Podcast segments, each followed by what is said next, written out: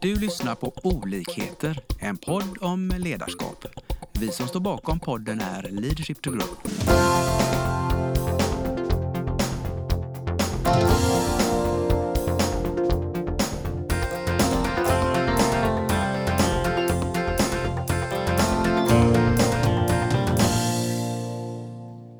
Välkommen till eh, vårt poddavsnitt här idag. Jag som pratar idag är Lars Engström från Leadership to Grow. Och idag har jag en mycket spännande gäst som får presentera sig själv. Hej, jag heter eh, Madeleine Fritz och jag är vd för KVD Pro, ett bolag i eh, KVD-koncernen. Tack för att du vill prata med mig. Ja, det ska bli jättespännande det här. Jag tänkte så här först, Madeleine, kan inte du ta för våra lyssnare berätta lite om ja, först din egen bakgrund mm. och sen lite om KVD som ju har funnits mm. relativt länge. Så att, varsågod. Mm. Eh, nej men som sagt, jag är, är, vd för KVD Pro som är ett bolag i eh, KVD-koncernen. Vi verkar ju inom begagnat handeln, eh, bilbranschen och jag har ganska nyligen tillträtt som vd. Eh, efter att ha jobbat som eh, commercial officer i sju år i KVD Bil.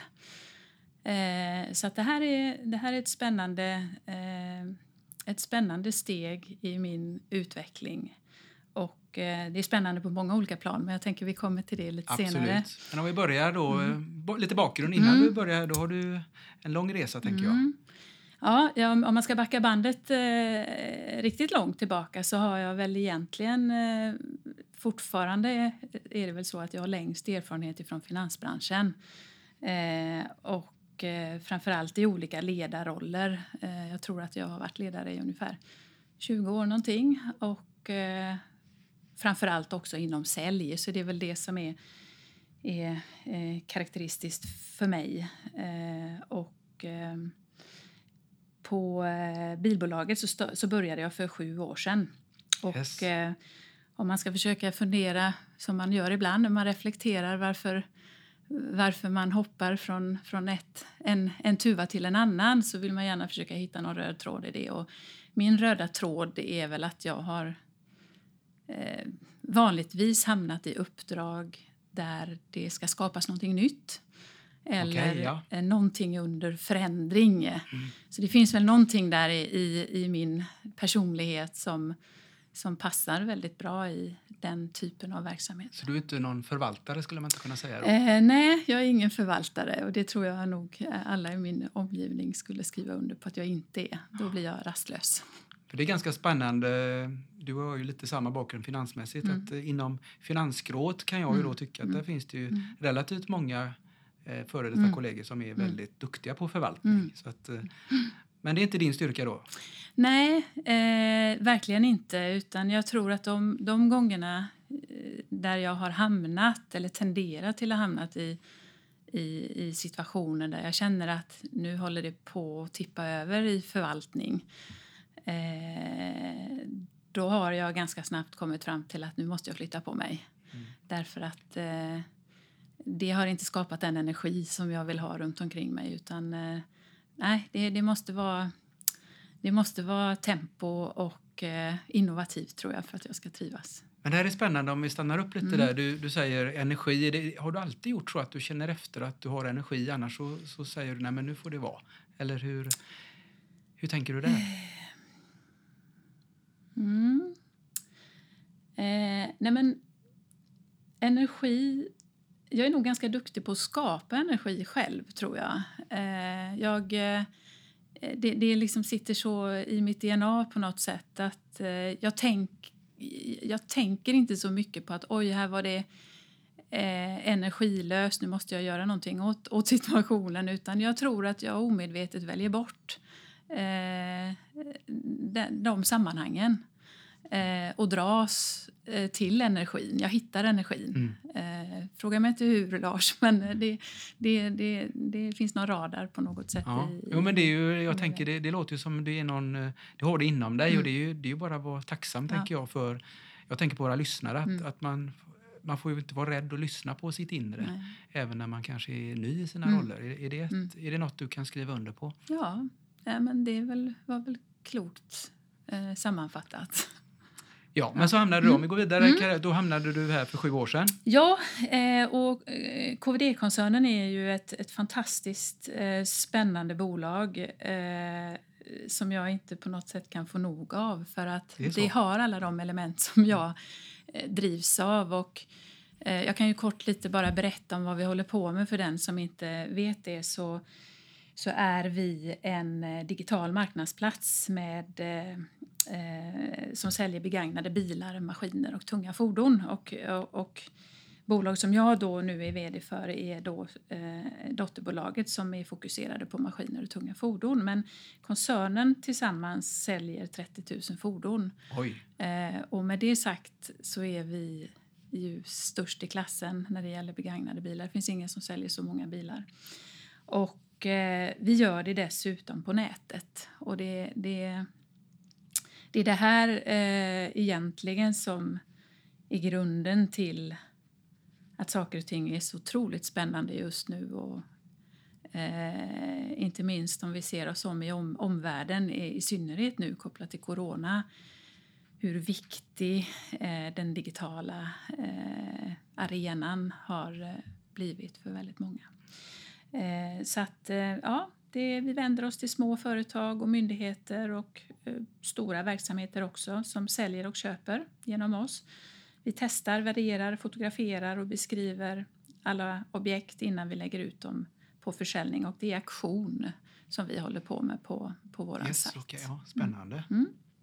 Men det är, när jag tänker på, jag känner ju till det lite grann, mm. men, men finns det någon stor konkurrens i Sverige på det här, att jobba på det här sättet? Eh, jo, men det finns ju nätaktioner eh, och har funnits ett tag, men vi är eh, vi är ensamma om att eh, rikta oss till konsument på köpsidan. Så att, eh, ja, enkelt beskrivet så vill väl vi ta bilhandeln, alltså det, det, det bilhandeln gör i, i sina glashus vill vi ta till nätet. Mm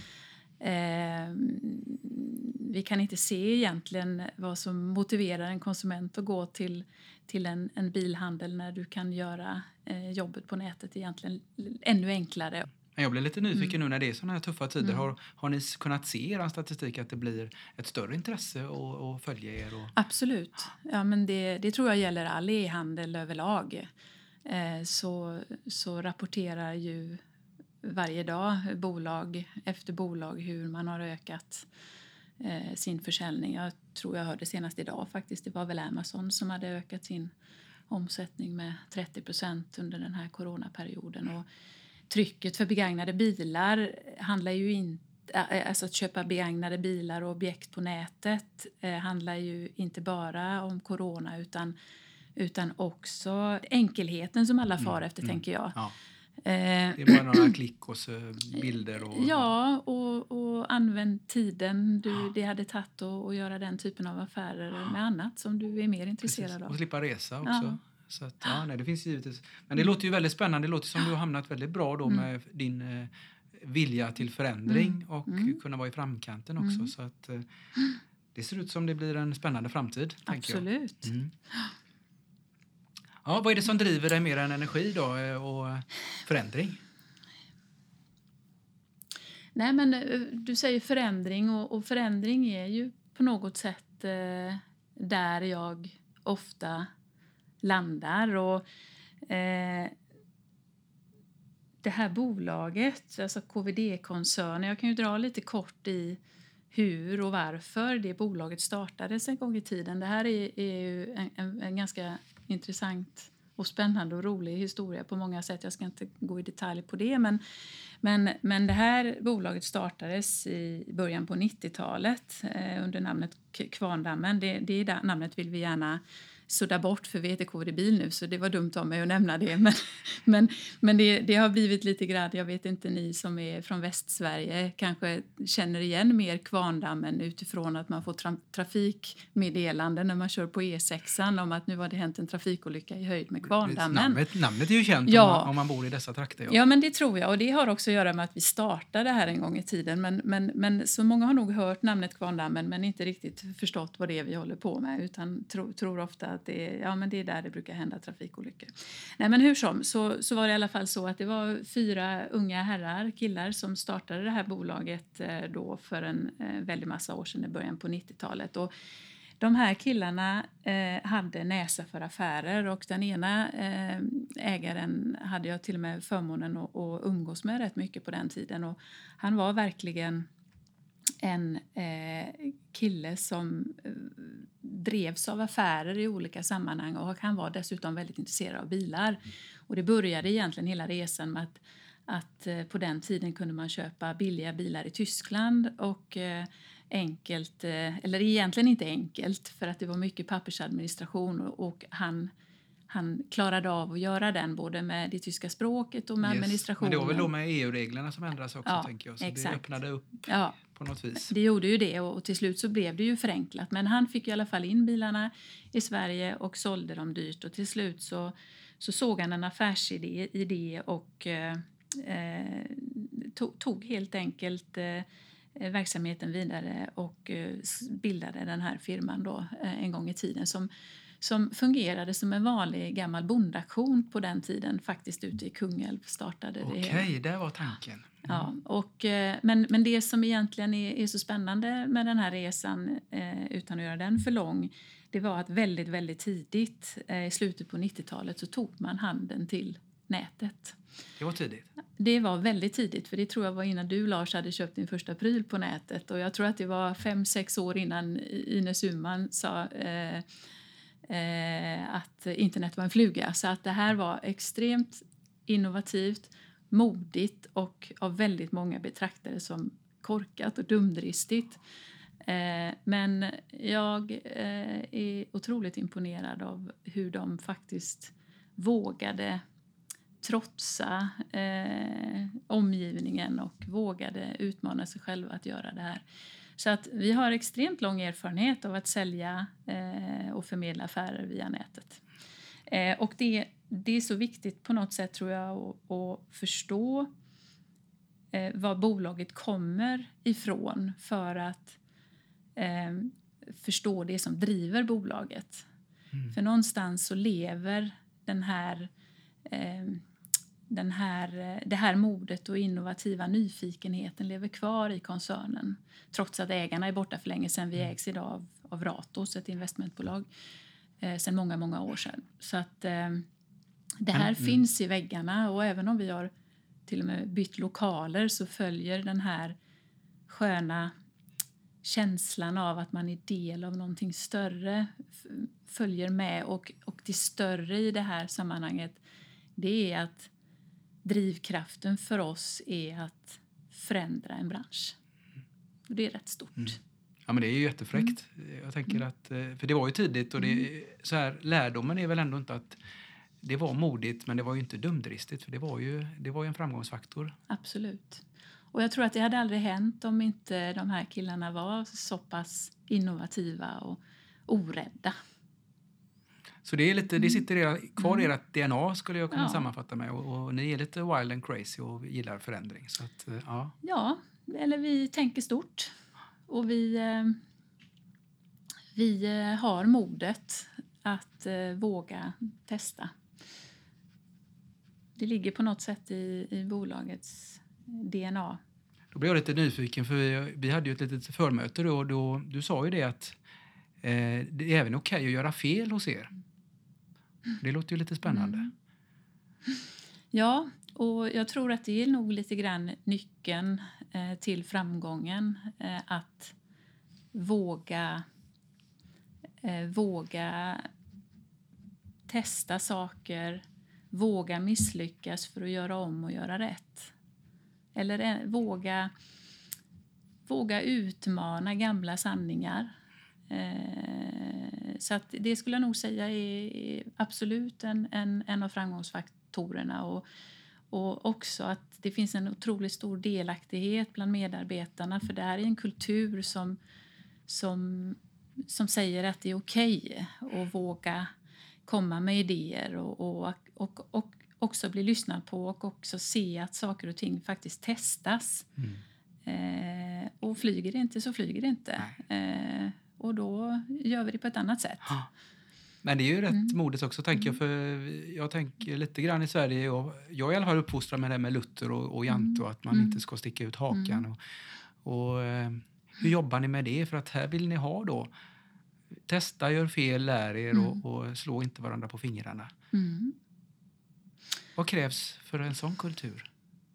Nej, men jag tror att vi har en ganska platt kultur och, och vi, har, vi har en öppen kultur och framförallt en väldigt eh, eller en kultur som främjar delaktighet. Eh, och, och det, det är för oss också en av framgångsfaktorerna för att vi har en ganska komplicerad process för vi är ju en förmedlande aktör som inte tar parti för varken den säljande eller köpande kunden. Vi ska vara transparenta mm. och förmedla en affär på ett, på ett eh, tryggt och enkelt och eh, effektivt sätt för våra kunder. Och, eh, när vi jobbar internt med våra processer så påverkar det hela kedjan från den säljande kunden till den köpande kunden. Och, eh, det innebär att det är svårt att fatta beslut eller eh, utveckla funktionalitet om inte hela bolaget är delaktig i, eh, i arbetet kring processförbättringar. Det, det leder ju till eh, att ett, att, att medarbetaren får ett väldigt bra helhetsperspektiv hur affären funkar. Eh, och då måste du ju sträcka upp din hand när du ser att det här kommer inte fungera hela vägen. Så att nej, att jobba i silos det gör vi inte, för det tror vi verkligen inte på. Eh, där man blir protektionistisk i sitt uppdrag, utan samarbete är väl ledordet, skulle jag säga. Det låter ju helt fantastiskt, men, men i vardagen, tänker jag, hur, mm. får man det att funka? För ni är många anställda, mm. ni är mm. många som mm. jobbar med olika saker. Mm. Så att, eh, hur eh, ja, ni med det? Det låter lättare sagt än gjort. Eh, och det är klart, eh, det är inte alltid lätt. Eh, I synnerhet inte när, när vi, vi är ett tillväxtbolag och har, stå, stå, vi har krav på oss att eh, springa snabbt och leverera stort. Eh, men, men det gäller ju att testa olika metoder för det och alla metoder har inte funkat och, och vi är ganska snabba på att utvärdera vårt sätt att jobba Ut, på. Utvärdering. Mm. Mm. Eh, och, och, nu till exempel så jobbar vi ju eh, till exempel ännu mer i, cross, i crossfunktionella team där eh, teamen har ganska stora befogenheter och är representerade av allt ifrån verksamhetspersonal till utvecklare till affärsutvecklare och eh, ledningen eller verksamheten har gjort prioriteringarna så att eh, alla får vara delaktiga. Spännande. Eh, ja, jo, men det är, det, är, det är en modell som funkar bra för oss. Eh, tidigare har vi haft andra sätt att arbeta där, där vi kanske jobbar, där IT jobbar mer isolerat med allt. Men, men du tappar helhetsperspektivet och du tappar din... Eh, eh alltså det som är så viktigt är att få en medarbetare att förstå sitt bidrag till helheten. Det gör ju den medarbetaren till en bättre och större och gladare medarbetare. Eh, och det, det, får du lättare en, en förståelse för när du är med och ser vad ditt arbete gör för det stora hela. Det känns som det krävs ändå ett stort mod och tillit och att, att släppa. För det, det känns mm. som ni släpper väldigt mycket ner till så alla mm. delar av mm. organisationen och de får på något sätt får ta eget ansvar. Ja, men det, vi, vi har, det är tillit sa jag inledningsvis, mm, att vi absolut. litar på våra medarbetare. Och eh, medarbetarna vågar för att det är okej okay att göra fel så länge du lär dig någonting av dina misstag. Och jag tror att du måste hela tiden våga testa eh, och, och, inte vara rädd för att misslyckas mm. för att snabbt ta dig framåt. Men här har vi förmodligen en nyckel. Mm. Men vad gör mm. ni som, som jobbar med ledarskapet då för att se att detta fungerar eh, alla dagar och på alla nivåer? Kommunikation tänker jag är väl en sak. Ja, eh, kommunikation är ju A och O har man ju lärt sig. Och, eh, samtidigt är det alltid någonting som alla vill ha mer av. Man känner sig aldrig riktigt tillräcklig i, i, i, i kommunikationen. Men Nej, men, men alltså ledaregenskaper som är viktiga i, i det här är ju att en, det är klart att en ledare eh, ska leda andra i en riktning. Eh, så är det. Men, men jag ska också leda andra till att vilja vara en del av något större, att vilja Precis. vara en del av teamet.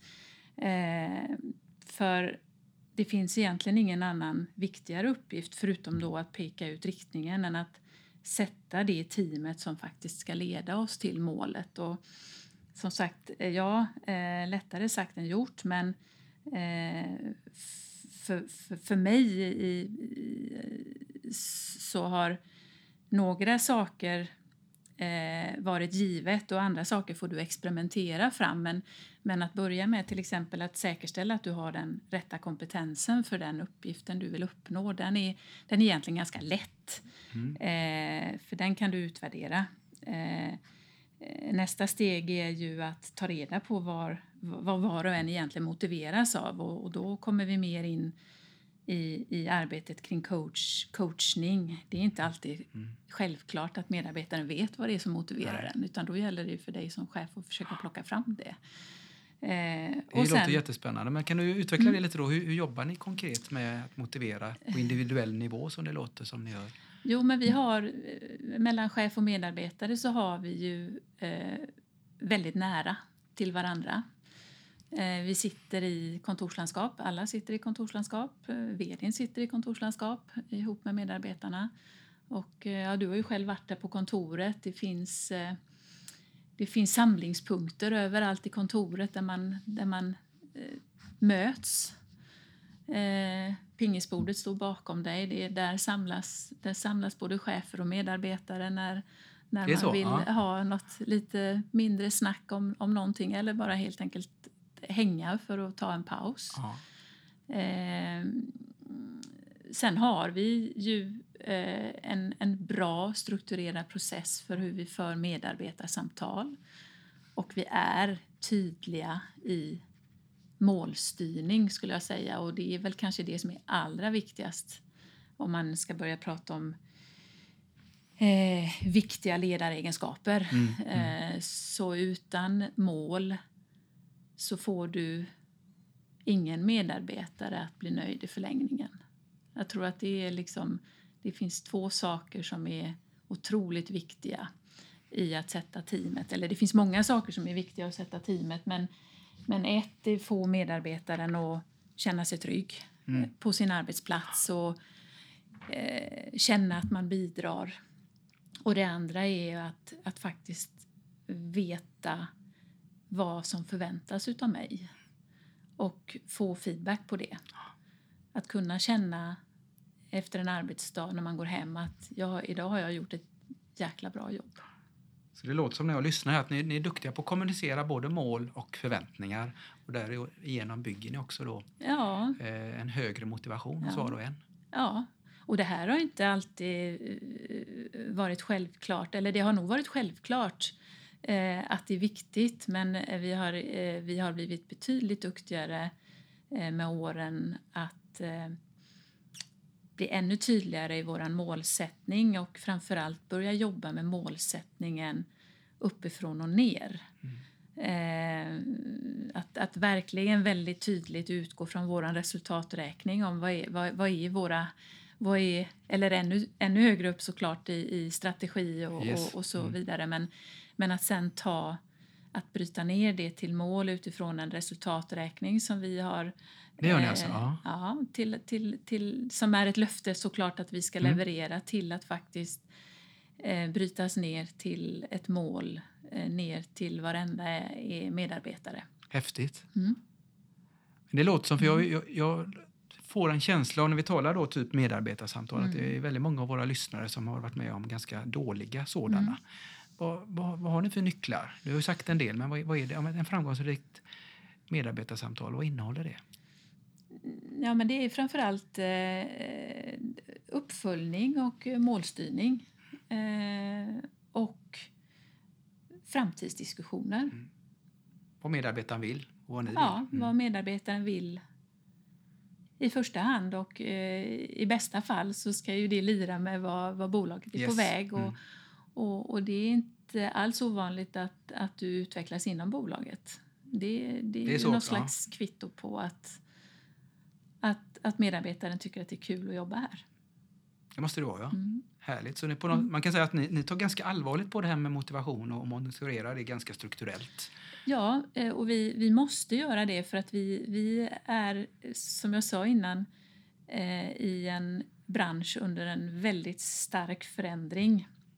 Hela bilindustrin eh, är ju under stor förändring och det har inte det, det, har ju mycket att göra med, med miljökraven eh, i Precis. världen och eh, omställningen till andra eh, drivmedelsformer och så vidare. Eh, och det ställer ganska stora krav på en verksamhet eh, som är under så stor förändring och med, med den ambitionen vi har om att faktiskt vara med och förändra en bransch så, så ställer vi ganska höga krav på våra medarbetare att, att anpassa sig hela tiden. Att det som gäller idag kanske inte gäller imorgon. Så att eh, människan av naturen tycker ju mer eller mindre om förändringar. Så att, eh, det handlar om att, att liksom locka fram tjusningen i, i att leva i en föränderlig värld hos Härligt. våra medarbetare. Ja. Mm. Men det låter ju då, det låter som ni gör väldigt mycket intressanta saker. Men finns det några mer utmaningar nu i den här snabba förändringen framåt? Vad, vad, vad krävs för att sätta mm. teamet? Är det något mer som du inte har berört som, som du tänker är avgörande? Eh, ja... Eh,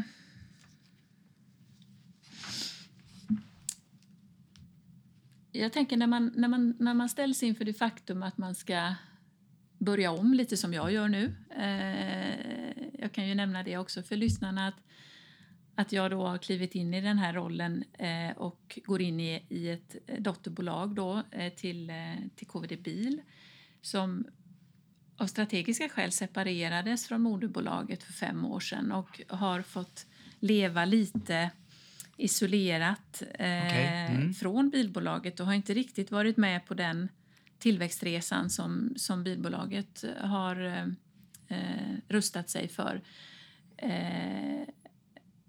Så har jag ju en hel del utmaningar med att... Du har det i alla fall? Ja, det har jag absolut. Eh, att att, att få med mig gänget på en ny resa. Eh, och det är klart att det, det kräver sin kvinna att, eh, att få alla med på båten som mm. vill vara med på mm. båten. Och eh, jag har också, tror jag, eh, ganska bra koll på hur jag ska gå tillväga. Jag, jag tänker ofta när man, när man ska utföra någonting. Att, att det handlar om att lite grann zooma ut eller hoppa upp i luftballongen och titta ner på vad är det egentligen jag ska göra och hur ska jag göra det här. Eh, och brukar ofta ta hjälp av eh, ta hjälp av, av andras framgångsfaktorer. Det är inget fel att titta på hur har andra gjort för att lyckas med att sätta drömteamet eller, eller gå tillbaka till mina egna erfarenheter. När har jag själv tyckt att det inte har fungerat? Vad är det jag själv har saknat? Och jag har varit där eh, vid, ett, eh, vid en tidpunkt i, i mitt liv där det skedde väldigt många eh, förändringar i bolaget och bolaget var under väldigt stor press och eh, le, eh, vad ska jag säga, med teamet som jag hade runt omkring mig eh, var helt rätt människor. Men situationen plockade fram det sämsta i teamet. Oj då. Eh, och det, det, när, när någonting sånt händer och, och ett, ett, team är under väldigt stor press så sätts det också väldigt stora krav på ledarskapet. Och i, i, i det som vanligtvis sker när man hamnar här det är ju att, att eh, det första som händer är att man börjar känna sig otrygg. Mm. Eh, Eh, och det började i mitt fall, eller i, i mitt team, att, att en fick sluta. Eh, och, och, och, det var sagt att ja, nu går vi skilda vägar här och alla förstod egentligen vad det var som hade hänt. Och det lockade ju fram en rädsla hos väldigt många. Är det jag som ska få sluta nästa gång? Precis. Eh, och tryggheten eh, och plattformen du stod på blev väldigt osäker. Eh, och det som också sen händer när du är under press, då, då, då, då, tappar du egentligen ditt mål och din strategi och du börjar släcka bränder. Och eh, värderingarna och, och, strategin sätts helt ur spel. Eh, och det leder sen oftast till att det skapar silos och eh, vi pratar om det här vikten av att se helheten i affären. Den havererar fullständigt och man börjar bara bli protektionistisk ja. och i slutändan kostar ju det här otroligt mycket pengar för bolaget. Ja. Det blir en negativ spiral låter det som då. Ja. Och det har du upplevt så jag tänker det, det är väl väldigt värdefullt att veta framåt Absolut. att där får man inte hamna. Man får inte hamna där och hamnar man där så tror jag det är viktigt att vara väldigt lyhörd tidigt för mm. de här signalerna. Mm. Eh, när misstron börjar komma och läcka mm. eh, och ifrågasättandet kommer. Är det där då du, det här rådet om vi ska ge till lyssnarna, mm. är det då man ska åka upp i luftballongen och ta en liten mm. time-out och, och titta på vad som händer? Ja, jo, men det måste man ju göra. Man måste ju skapa sig en bild och i mitt fall så, så tror jag att, att eh, de viktigaste eh, fundamentala bitarna måste på plats och jag är tillbaka till det här med, med eh, tydlig strategi och eh, tydliga mål och så just det här med att skapa arbetstryggheten. Precis. Att, att våga få alla att säga vad man tycker och uh, öppna upp för, ett, uh, för en delaktighet. Det, det skulle jag säga är, är väldigt viktigt.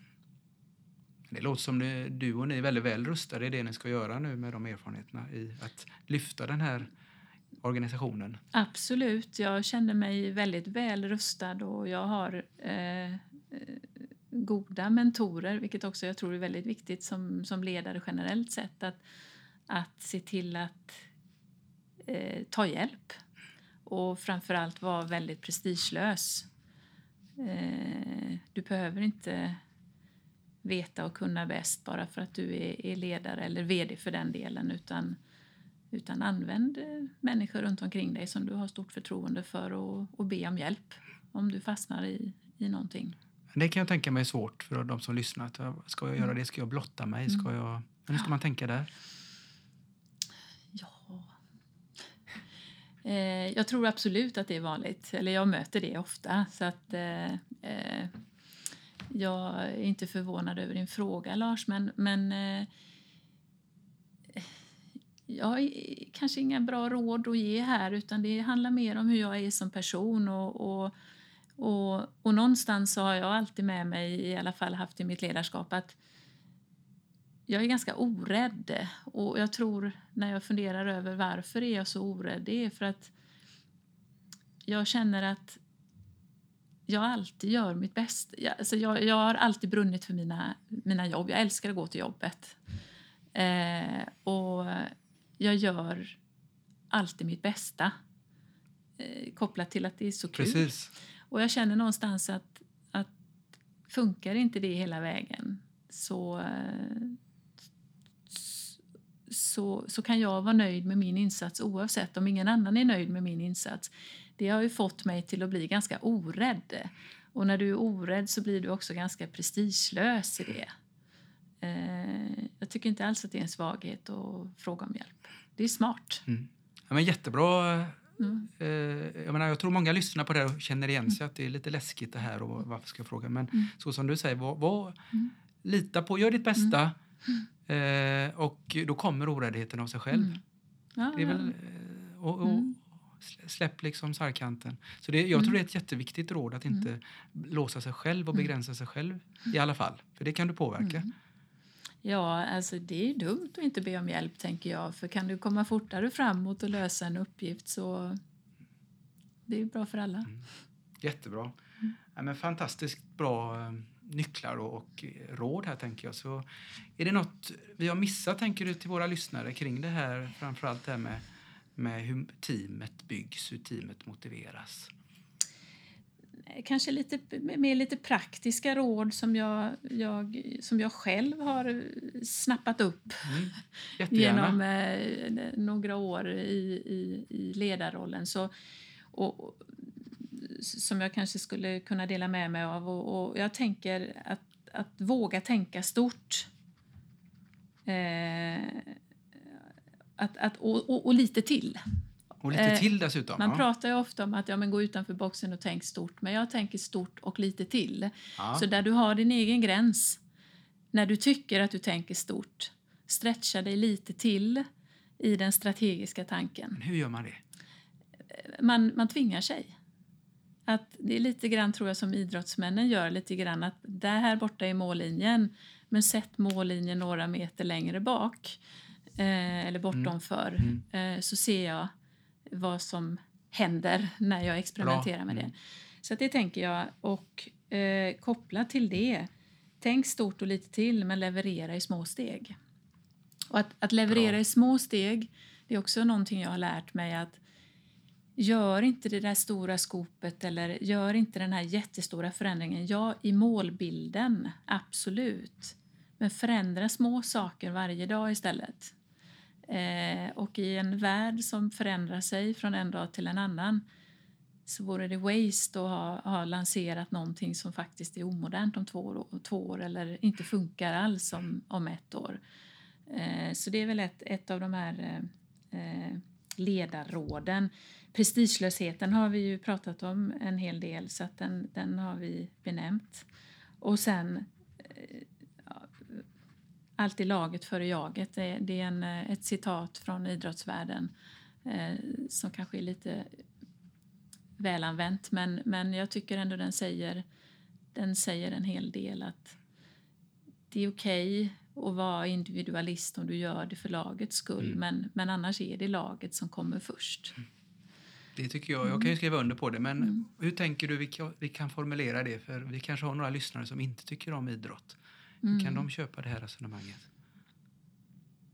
Nej, men det, man kan ju bara, de flesta har ju någon familj, eh, utgår jag ifrån. Och, och jag tänker ofta laget före jaget hemma i familjen också, om man nu vill relatera det till hur man har det i, i, hemma i familjen. Att det är inte vad jag vill, utan det är vad familjen vill. Eh, familjen eh, är i alla fall för mig vikt, viktig, viktigare än någonting annat. Eh, och jag mår inte bra om jag inte vet att resten av familjen mår bra. Härligt. Mm. Nej, men jag tycker det här är ett fantastiskt samtal. Men Mm. jag tror vi har täckt in det mesta. Vi får väl återkomma på en eh, ny podd när ni har sjösatt det här, tänker jag. absolut. Då har Eh. jag en hel del fler erfarenheter att dela med mig av. För det här kommer att vara en tuff resa. Eh, bolaget har gått ganska dåligt, eller kanske gjort sitt sämsta år under 2020 och eh, förväntningarna är stora nästa år och eh, eh, inte bara från mig utan från medarbetarna och från ägarna och det ska bli fantastiskt kul att få utmana oss själva. Stort lycka Mm. till. Eh, Vi kommer följa det här med spänning. Tack så hemskt mycket. Och tack så mycket för Mm. detta fantastiska poddsamtal. Mm, tack. Vi hoppas att vi har väckt tankar om hur du kan utveckla och stärka ditt personliga ledarskap. Följ oss gärna på våra sociala medier där vi heter Leadership to Grow. Om du vill ha mer inspiration och verktyg, gå in på vår hemsida leadershiptogrow.com. Tack för att du lyssnar.